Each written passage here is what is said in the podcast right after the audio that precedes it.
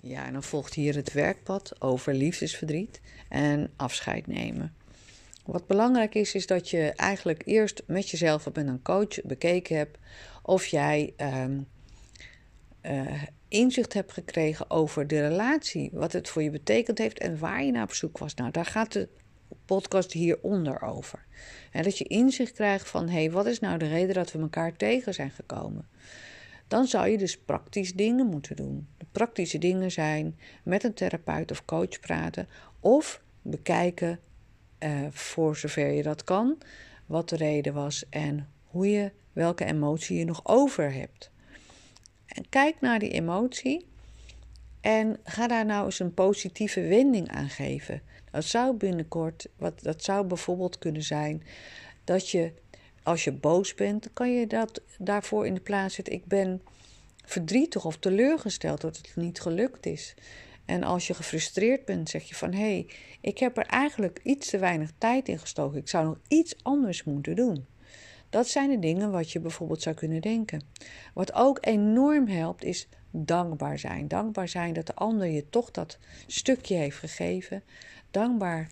Kijk eens en vraag en schrijf eens op waar je dankbaar voor bent. Wat zijn er de momenten dat je heel gelukkig was? En uh, ook wat jij zelf gedaan hebt, waar je trots op bent. Je kan ook trots zijn dat je deze relatie beëindigd hebt. Ga niet te veel in de memory lane. Ga eens kijken van hé, hey, waar ben je dankbaar voor en wat heb je kunnen leren van deze relatie? En um, wat heb je nu geleerd en hoe kan je nou verder? En wat ook heel vaak helpt, is dat je weet dat de ander eigenlijk niets aan kan doen, maar dat de ander ook een persoon is die zijn best heeft gedaan en die zijn basisbehoeften. Ga mijn podcast maar even afluisteren. Nou leer je van hoe basisbehoeften, hoe communicatie en hoe relaties eh, gaan. Maar nu het praktische stuk. Het praktische stuk is zorg dat er te weinig, uh, dat, er, dat er weinig prikkels zijn in het huis of om je heen of in je telefoon. Dat je de hele tijd maar blijft denken aan de ander. Zorg dat je niet te veel visuele prikkels hebt.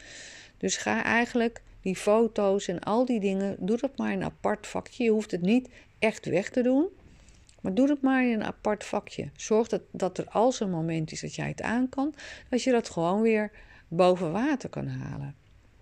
Ik adviseer je ook om met een therapeut oefeningen te doen om het beeld wat elke keer in je hoofd zit. En natuurlijk, hè, dat staat ook in de podcast hieronder, welke therapie je toe kan passen om dit helemaal te verwerken. Want het is herkennen, erkennen, loslaten. Nou, het praktisch is eigenlijk ook de dingen op te ruimen uh, die je, bijvoorbeeld een kamer, of uh, maak niet een, een soort van reliquie van iemand uh, die weg is. Als die persoon terugkomt, kan je het gewoon weer boven water halen. Maar de hersenen zien anders de hele dag die prikkels in, die herinneringen. Het hoeft op zich niet rigoureus. Maak er gewoon een speciaal momentje van. Dat je het gaat bekijken. Dat je het pad van de memory lane ingaat. En dat je gewoon eigenlijk eh, de relatie in dankbaarheid loslaat. Maak er gewoon een ritueel van. Dat kan je doen als je loopt in het bos. Je kan het doen met een vlam van een kaars. Je kan het doen met een, een, uh, een situatie verbranden. Uh, uh, met een kaars en een bak. Waar je de, de memory of de herinnering loslaat. Nou, dat doen we natuurlijk in de therapie altijd. Dus zo kan je op een hele mooie manier afscheid nemen van de relatie en weer in, met je nieuwe jij, zeg maar, opnieuw opstarten. Uh, om de weg te vervolgen van zelfliefde. Want dat is natuurlijk het allerbelangrijkste. Dus even zorg nou dat je niet te veel prikkels in je huis hebt of op je telefoon. En ik, het, is, natuurlijk ontzettend moeilijk, want het lijkt wel alsof je een verslaafde bent. Het is natuurlijk zeer pijnlijk, maar dat is wel van belang. Hè. Dat hebben uh, tests uitgewezen.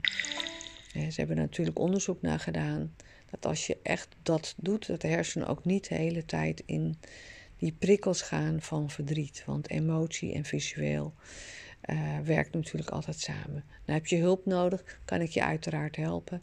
En uh, uh, ik geef een aantal gratis inzichtconsulten weg per maand. Dus app me of probeer me te bereiken via mijn website. Namaste.